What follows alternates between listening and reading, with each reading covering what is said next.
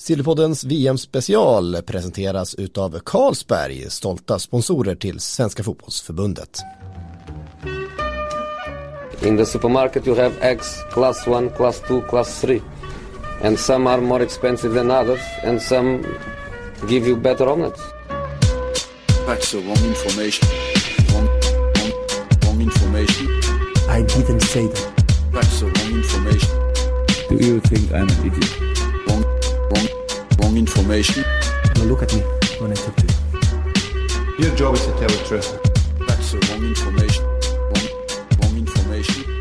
Ja, eh, bonsoir säger vi väl härifrån Rennes sista kvällen innan det bär av till Nice under morgondagen. Eh, men innan vi hinner dit så ska vi givetvis avverka eh, höjdpunkten nu Eh, den här veckan. Och det var givetvis matchen eh, mot Chile, premiären.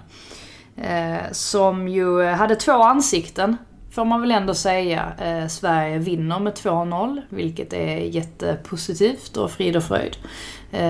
Men den har ju en liten nedsida också, att det kanske inte stämde över 90 minuter-spelet då. Och vi skapar ju inte vi skapar en del chanser men eh, den där lilla skärpan, eh, sista tredjedelen, den, den fanns inte alltid. Eh, men vi kanske ska börja i rätt ände ändå. Ska vi börja från början? Kronologisk ordning. Före eller efter regnet? Före eller efter regnet, precis. Eh, Ska vi börja från början så är det före regnet. Rimligtvis. Då blir det före regnet, ja. Och jag, gud, vi får ju presentera oss också. Ni märker det att tankarna hänger inte riktigt med här klockan... eh, Klockan midnatt. Sådär. Klockan midnatt. Eh, Frida Fagerlund heter jag, sitter här med mina kollegor Anna Rudén och Petra Thorén. Vår eh, fjärde kollega Simon Bank, han eh, smög iväg lite tidigare. Men vi sitter här, ja, starka. Absolut, eh, han behövde sova. Ja men precis. Ehm, men ja, Sverige kliver in i den här matchen och hade ju på förhand pratat om att det är väldigt viktigt att få in tidiga mål. Det var många som framhävde det, bland annat Magdalena Eriksson. Ehm, den första halvtimmen, då noterade jag i alla fall att våra offensiva spelare, de hade ju samlats i alla fall ett par, tre gånger och försökt att snacka ihop sig. För att Petra, det var någonting som inte riktigt stämde. Håller du med mig där? Ja men absolut. Och det, det är inte så ofta man ser, det händer väl i matcher att man ser att spelarna går ihop i grupp eller sådär. Men nu var det verkligen eh, Eh, Blackstenius, eh, det var lite sammankallade ett par gånger. Rolf var där, Magda Eriksson var där och Caroline Seger också. Och det var kanske framförallt på den kanten som det inte stämde. Då är vi alltså på vänsterkanten eh, sett offensivt för svensk del. Och ah, de fick inte ihop det alls och de hade pratat om hur viktigt kantspelet var. Men tycker inte alls att de fick till det. Sen, sen stod ju Chile väldigt djupt att försvara så att det, det fanns ju, det var väldigt svårt att göra någonting och hitta de här bollarna in bakom då. De försökte väl efter någon av de här justeringarna sätta en liten tidigare boll ner på den här curlingytan som Blackstenius gärna smiter ut till för att fånga upp boll. Men det som hände då var ju att det var väldigt få eh, in i boxen liksom, om man väl fick in bollen. Så att det, det, äh, det, det ser inte bra ut tycker jag. Eh, Sverige vinner med 2-0 men just det där med den besättningen från start, det ser inte bra ut. Ja, för nu när man har fått eh, låta matchen smälta lite så, så sitter jag och tänker att hur, hur hård ska man egentligen vara? För att om vi ser till Chile, de har ju knappt ett skott på mål. Eh, de skapar väldigt, väldigt, väldigt, väldigt lite framåt. Och de gångerna de kommer framåt så känns det aldrig riktigt farligt. Eh, så på det sättet så har ju Sverige stenkoll på den här matchen. Ändå sitter vi här och känner oss inte riktigt nöjda, med all rätt. Att det har ju hela tiden pratats om det här liksom, målskyttet som det stora frågetecknet inför turneringen och eh, man hade ju hoppats att det skulle rätas ut lite i den här matchen, att det skulle i alla fall börja vinklas upp mot ett utropstecken så att vi inte behöver gå och oroa oss men det behöver vi ju uppenbarligen eh, när det ser ut som det gör. Man såg ju till exempel, du var inne på Magdalena Eriksson som hade påpekat att det var viktigt med ett tidigt mål i man såg ju på henne hur lättad hon var när Sverige gör målet. Hon bara föll ju ihop på gräset och skrek rakt ut. Eh, så lättad var hon. Hon sprang inte och firade med de andra utan man såg lättnaden och hon kände att okej nu kör VM igång. Och det där har nog suttit långt inne hos dem. Och ja, nej, man är ju orolig när inte liksom den ordinarie uppställningen levererar som de gör. För vi har ju Alvegård och Janogy som är de två som är inne och trasslar i straffområdet innan Kosovare Asllani till slut och stänker upp 1-0. Eh, det är ju inhopparna som är där och stökar i straffområdet. Det är ju inte Stina Nu Blackstenius. tog du oss igenom hela matchen Ja. på, på 30 Så sekunder. fort. Klart. Ja, det var klart. Eh, Då går vi vidare. Eh, Men om vi får knyta an där lite så tror jag att någonstans vid det här läget eh, jag kommer inte exakt ihåg men kring minut 60 någonstans kanske så började vi titta lite grann på eh, statistik eh, och hur det såg ut och eh, vi räknade väl till ungefär om det var nio avslut. Ska låta det vara lite osagt eh, exakt minut och sådär men på, från, den, eh, från de offensiva spelarna alltså från om vi går från höger och Sofia Jakobsson Eh, centralt Kosova Asllani, till vänster Fridolina Rolfö och så högst upp som spets då ensam spets framför de här, den här trion med Stina Blackstenius där uppe. Så hade de omkring nio avslut men noll avslut på mål. Och det var en väldigt talande bild eh, för det som, den problematik som vi försöker ringa in här lite grann. Å andra sidan så kan jag ju lite grann köpa det här som Kosovare Asllani säger i mixade zonen efteråt att de spelarna som är på planen där eh, bryter ner eh, Chile så pass att inhopparna som väl får komma in sen i 65 minuten, då var det ju Anvegård och Hurtig och sen så Janogy som kom in i 81 minuten.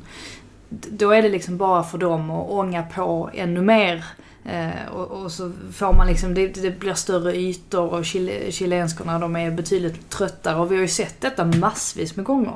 Det är ju så här Sverige gör. Att de gör väldigt lite mål framåt, ja. Nästan alla kommer typ sista 20 minuterna. Bara för att då har de kört slut på motståndare.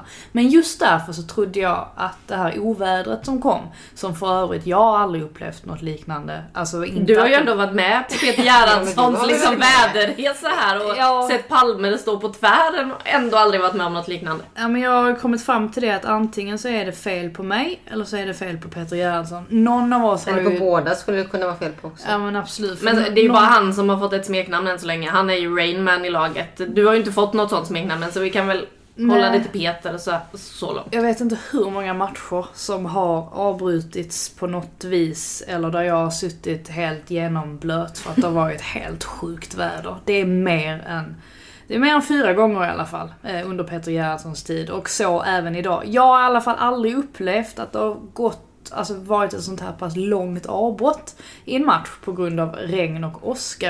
Eh, Men det fick vi idag. Mm. Ja, jag var ju med om det, väldigt liten parentes, 2012 i EM när Frankrike spelade mot Ukraina. Frankrike igen alltså. Ja, det är, ja visst var det det. Och då tror jag att det var en timmes uppehåll på den matchen. Då. Men, men det är klart att man funderar då när det, när det här skedde och spelarna liksom fick gå av planen om är det bra för Sverige? Eh, eller är det liksom negativt för Sverige för chilenskorna får vila och liksom samla kraft och sådär. Men bevisligen så var det ju eh, positivt för de svenska spelarna. Jag tror fortfarande att det var dåligt.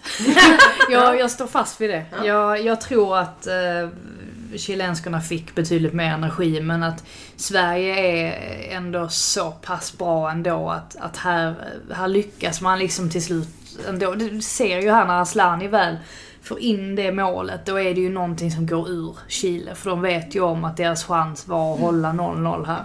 Ehm, och där liksom rinner det ur sanden lite grann. Ja, och då var de ju i den här golden zone som är så viktig då eh, i närheten av, av målet och, och avsluta ifrån. Men, men jag kan inte få in ändå att det är ett eh, godkänt betyg att man på nio avslut inte har ett avslut på mål.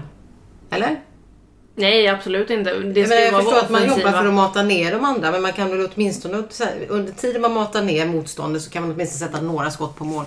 Stina hade ju Nilla hade den här ju- ja. bollen som... eh, Och Nilla hade sin nick i och för sig så att det fanns ju andra som, som hade avslut. Men, Och Elin hade par. Ja, men vi pratar om de offensiva spelarna. De hade inte, de måste få avsluten några gånger fler per... Alltså effektiviteten då, om vi pratar om den som, som är så noga med. Eh, så kanske det är så att mot kommande bättre motstånd så får man inte så många chanser. Då måste man åtminstone få de chanserna man har. I alla fall en tredjedel utav de avsluten på mål. Ja, nu är jag jag, precis, jag kan ju, hå- håller ju självklart med dig. Jag bara tänker att ibland så blir det lätt så att man sitter och är väldigt, väldigt cynisk. Eh, och det är väl klart att vi, vi ska vara det efter en sån här typ av premiär. Samtidigt så vinner man med 2-0 och vem kliver inte fram igen om inte Madeleine Janogy som jag har fortfarande svårt att greppa den resan hon har gjort sedan januari. Eh, och hur snabbt det har gått eh, för henne att acklimatisera sig i, i laget. Det är egentligen helt sanslöst. Jag, Ja, det finns ju de som behöver år för att komma in i ett lag och liksom hitta sin plats och känna att man vågar ta för sig, vågar vara sig själv. Hon kliver ju in som en ångvält. Det ser nästan ut som när hon gör sitt mål. Hon springer ju förbi halva Chile, tuggar tuggummi samtidigt och bara smäller in den. Och Fifa twittrar ut att ja, här har vi kanske ett av de målen som kommer vara med och slåss om det allra snyggaste målet i VM.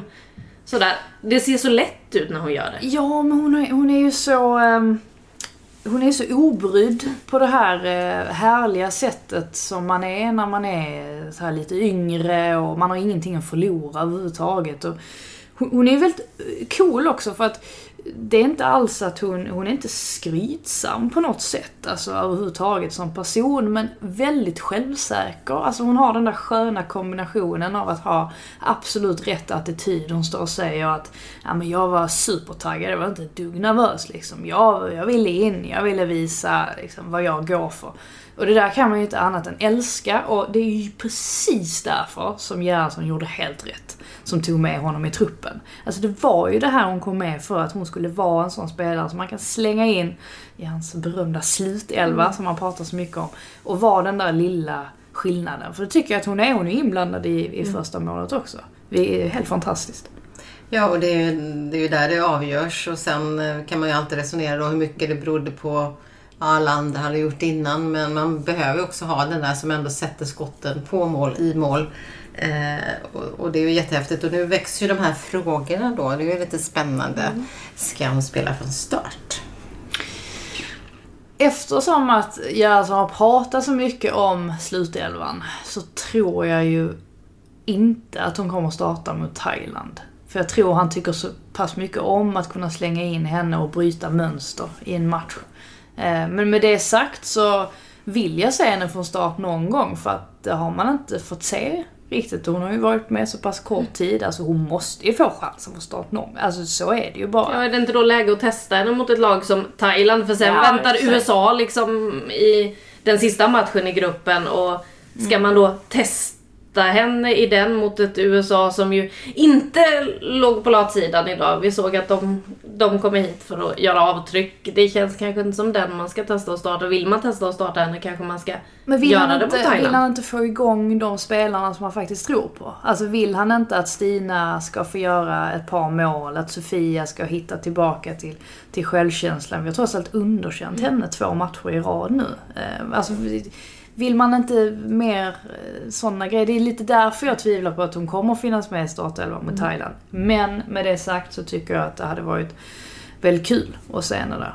Ja, i en sån match mot Thailand. Jag håller med dig Anna där i ditt resonemang att det, ska man testa det så är det ju nu för att mot USA kan man inte riktigt testa. Eh, samtidigt så, så blir det ju eh, man vet inte riktigt hur hon är i laget, om hon är med från start och eh, framförallt eh, som du är inne på där Frida, att man kanske tar, liksom, låter luften gå ur några av de andra och, och vad det betyder för eh, liksom, fortsättningen i mästerskap. Det är många, många aspekter där liksom, som han måste värdera innan han kastar om igen. Då. Eh, Men sen tror jag också att man kan ha ett resonemang även med de här etablerade spelarna att Nej, men vi, vi får gå runt lite grann. Vi har liksom, ska vi spela hela vägen till final som man måste sikta på så kanske man det är Thailandsmatchen som man har lite chans att och, eh, snurra runt lite också och spara på krafter. Så att det kan finnas sådana argument som gör att en spelare som blir petad, om man ska känna det så, eh, tycker att det är okej att stå vid sidan utan att liksom tappa geisten för det. För att man förstår att ja, men, vi, vi ska hålla på, det är många matcher kvar. Man hade lite velat in i Peter Gerhardssons hjärna där för det, det är ju just det här att man kan testa Janogy från start och mot Thailand samtidigt som man som du är inne på Frida behöver få in självkänslan hos en sån som Blackstenius. Man behöver ju få igång hennes målskytte om det ska gå riktigt långt, om det liksom ska hålla. Och ja, frågan är hur han värderar de här olika grejerna och hur han ska ta sig igenom det här när folk hemma nu ju faktiskt börjar höja rösterna för att Sen- de vill se mer av Madeleine Janogy. Ja, sen konkurrerar ju inte just Stina och Janogy om samma plats. Alltså, där är, känner jag ju med att Anvegård är någon sorts rak ersättare till Blackstenius. Eh, så det är i så fall om till och med hon skulle få chansen. Eh, men Janogy är ju mer eh, alltså, till höger. Eh, och där eh, har vi ju eh, Sofia för det mesta. Nu skiftar de kant lite ibland. Ibland Rolf och, Jakobsson.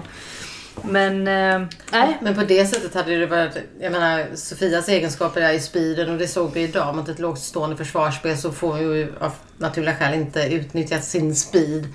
Eh, och så kommer det ju se ut mot Thailand. De kommer ju också stå parkerade längst ner och eh, då kommer inte hennes egenskaper riktigt till sin rätt där heller. Kanske mer om en, mot ett USA om vi liksom är tillbaka tryckta och man kan gå på lite omställningar. Så där finns ju en möjlighet och en öppning att eh, resonera sig till att ja, men ge, ge Madde chansen då i en sån match och se vad det går för. Men det här med att börja ropa också bara efter att, eh, liksom att vi ska ändra om hon ska in, hon måste spela från start. Jag tycker inte att allt att det är så enkelt. Och det är inte säkert att hon är lika bra startspelare som hon är inhoppare än så länge. Nej, och det där är ju alltså, populistiskt. Så är det ju alltid. Så fort någon eh, gör det bra sådär i ett inhopp så ska man in den personen från start. Alltså, vi ser ju samma sak i vårt herrlandslag nu med Alexander Isak exempelvis. Eh, men vad bra. Eh, ska vi utse varsin matchens lirare? Vi har nog samma kanske. det känns så va? Men vi måste väl ändå beröra Caroline Seger? eller? Ja, men det var Ja, lite det ja. jag tänkte återknyta Om- till. ja, för för mig sam- är hon matchens lirare. Ja, hennes inledning av matchen är ju formidabel. Eh, Jag vet inte hur många bollvinster hon har högt upp. Hon bryter hela tiden.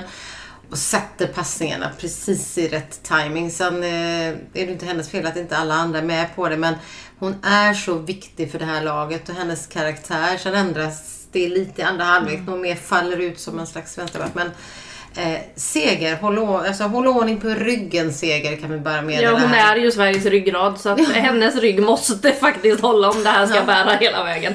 Eh, ja men precis, jag, jag håller fullständigt med. Och man ser den här rutinen hon har. Alltså hon går inte på de lätta grejerna som några av de andra spelarna gör. Alltså hon, hon läser, läser spelet på ett så fantastiskt vis. Och det är det jag älskar med den typen av spelare också. Trots att hon har kommit upp i åren lite grann. Eh, kanske inte har samma fart som hon hade för några år sedan. Så räcker hennes spelintelligens till för att hon ska kunna utmärka sig i en sån här match. Och det är ju det är ju rätt sanslöst ändå. Och så var det som vi pratade om Petra, att vad händer den dagen som Caroline Seger slutar? Vem ska ta över den rollen? Ja men vi har ju Nathalie Björn sa vi, för Sidiotti Olme har vi ju också, men det är ju en liten annan typ av spelare känns det som. hade lite mer karaktär på, på Björn på det sättet. Så mm, om ett par år sitter vi kanske med, med Nathalie Björn och Sigge tillsammans då. Så att, men en liten så här spaning bara. Caroline Seger huvud går ju innan bollen kommer. Hon vet precis var hon har sina medspelare och sina motståndare. Hon har liksom ett par alternativ. Det är medtag, mottag och allt i samma moment. Eh, Medan Blackstenius tänkte jag på idag, hon hamnar väldigt mycket med, med liksom blick ner på boll och har inte den här omvärlden. Hon vet inte riktigt var hon har liksom sina medspelare. Eh, och det är liksom sån tydlig skillnad i speluppfattning liksom.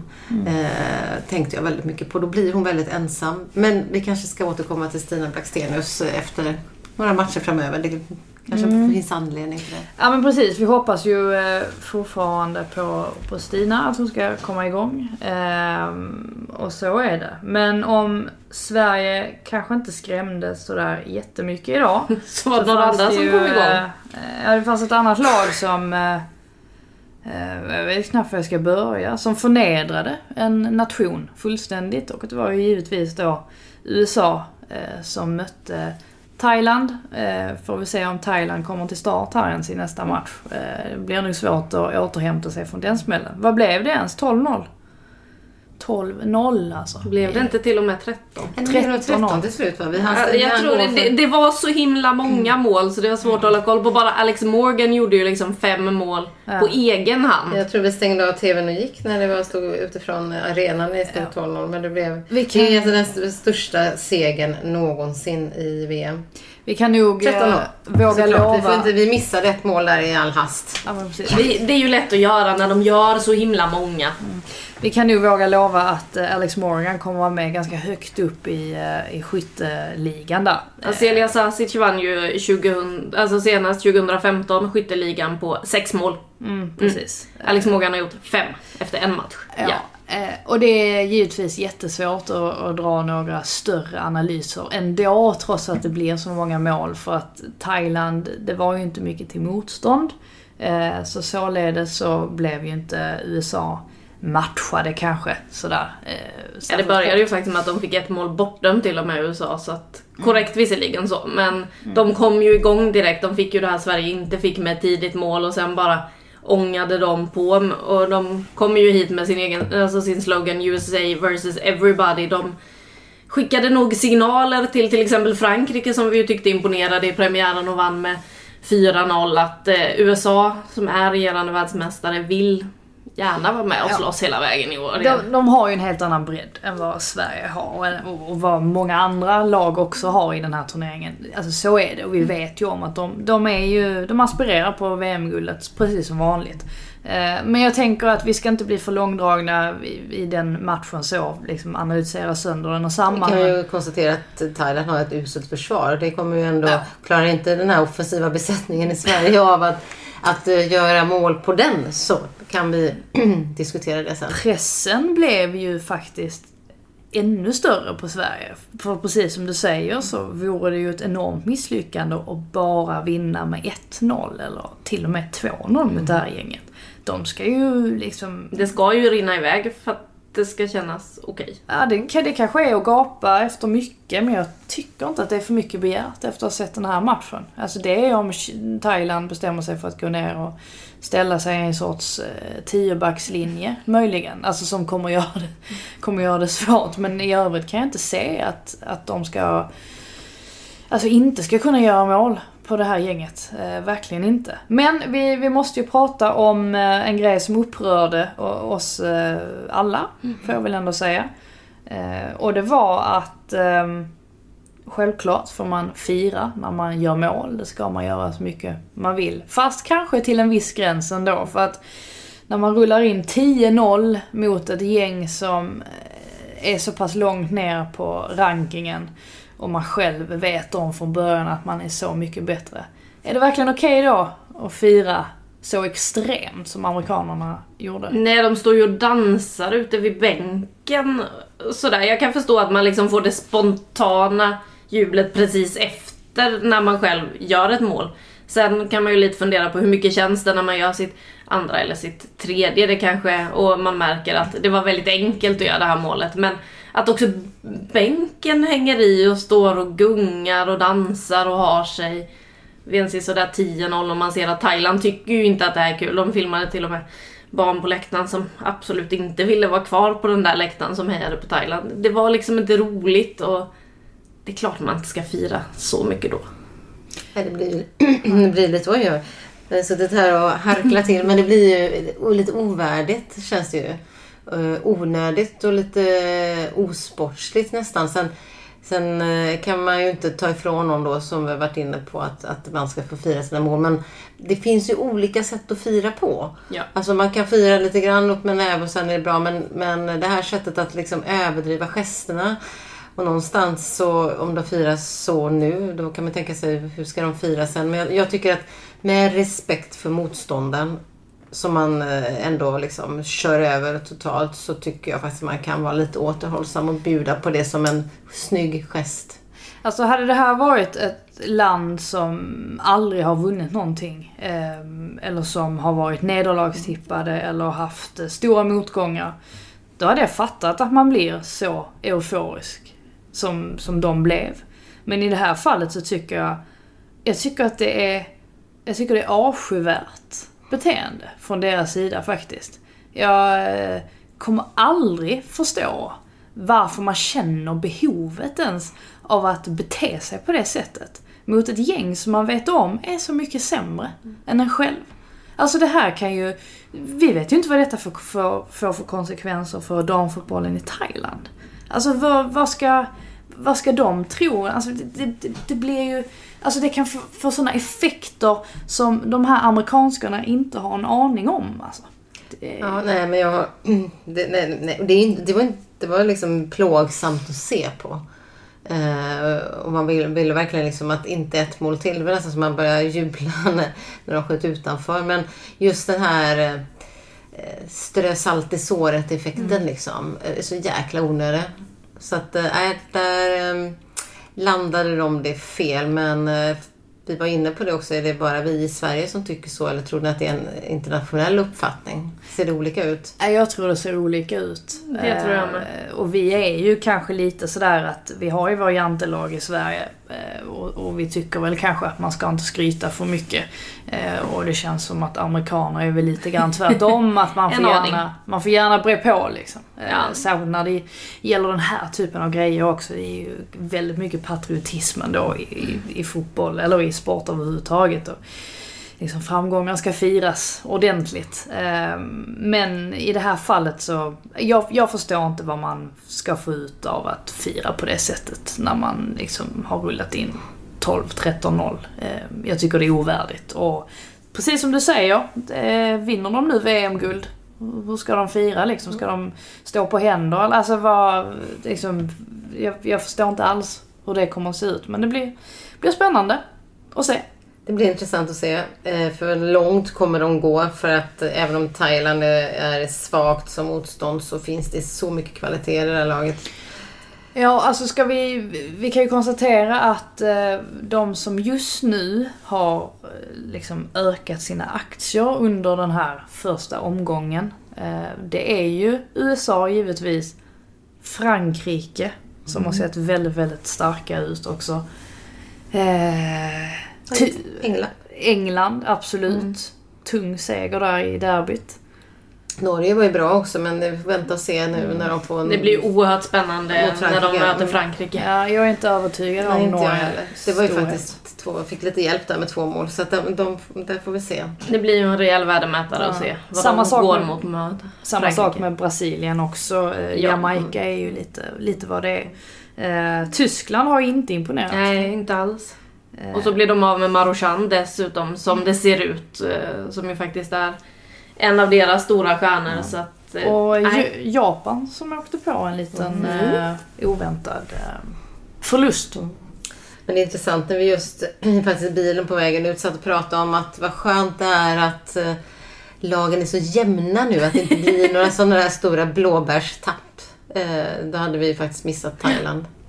För det blev ju en sån till slut. Men eh, topparna för mig, alltså Frankrike USA, det, de sticker ut. Och eh, de kommer vinna sina grupper och då möts de i En kvartsfinal redan och vilken... Alltså det är ju Kvartsfinal så det ledsamt redan nu att veta att ett av de här lagen inte kommer gå till final. Det är nästan som att man känner att något av lagen borde liksom bara lägga sig så att de hamnar på den andra sidan slutspelsträdet så att vi kan få den som en final så som det känns efter vad man har sett nu i första omgången. Men det kommer ju inte Frankrike göra i ett VM på hemmaplan och eh, i USA så är ju tvåan den första förloraren så att det är inte riktigt deras mentalitet heller. Och målskillnaden har ju USA om inte annat på sin sida just nu i gruppen. Ja, och man vill ju inte att något lag lägger sig. Alltså det finns ju inte på kartan heller. Jo, för om man har tippat USA USA, Frankrike Frankrike i i final. finalen vill man jättegärna att USA, USA kan väl lägga sig. Så att Sverige får den där kvartsfinalen mot Frankrike istället. Ja, det, eller usch, nu... Nej. Nu är vi långt fram. Vi är Ja. fortfarande... Första, Omgång omgången, ett! första omgången är avslutad. Eh, Vi ska förflytta oss vidare. Vi ska till, eh, till solen med Frida för att hon har lidit här i regnet. Det och- regnar där också. Ja, ja. Vi får se om Eh, det blir ett sånt där extremoväder där med. Om Peter Gerhardsson tar med sig det till Nice eller inte. Ja, det Ja. får vi göra. Vi, vi ska runda av. Eh, Vi sitter bara och svamlar nu för det är så sent och man har inte riktigt tankarna klara. Peter, du vill? Nej. Ja, men jag vill ändå bara putta, jag kände ju att vi, att framförallt kanske jag då var lite så här negativ där, men vi får ju också konstatera att det finns en väldigt god effekt av att vinna premiärer. Att premiären är spelad och, och i grund och botten så är det resultatet som räknas. Så att eh, det tar ju spelarna med sig när de åker till, till Nice och det är faktiskt eh, egentligen kanske där man ska summera att, att ja, det var det som krävdes. Så får vi eh, ägna oss åt eh, eh, den offensiva problematiken längre fram. Och på sätt och vis är det här VMet då redan bättre än det för fyra år sedan. För då blev det ju faktiskt tre kryss i gruppen. Man vann inte en enda match. Och det kan vi väl ta med oss att det blev en vinst. Ja, nu blir det VM-guld. Eh, med det tackar vi från oss och så eh, ses vi någon annan gång efter nästa match. Möjligen. Wrong, wrong information. Now look at me when I talk to you. Your job is to tell the truth. That's the wrong information. Wrong, wrong information. We're not to have you twisting everything I say. Twist, twist, twisting everything I say. So that clear.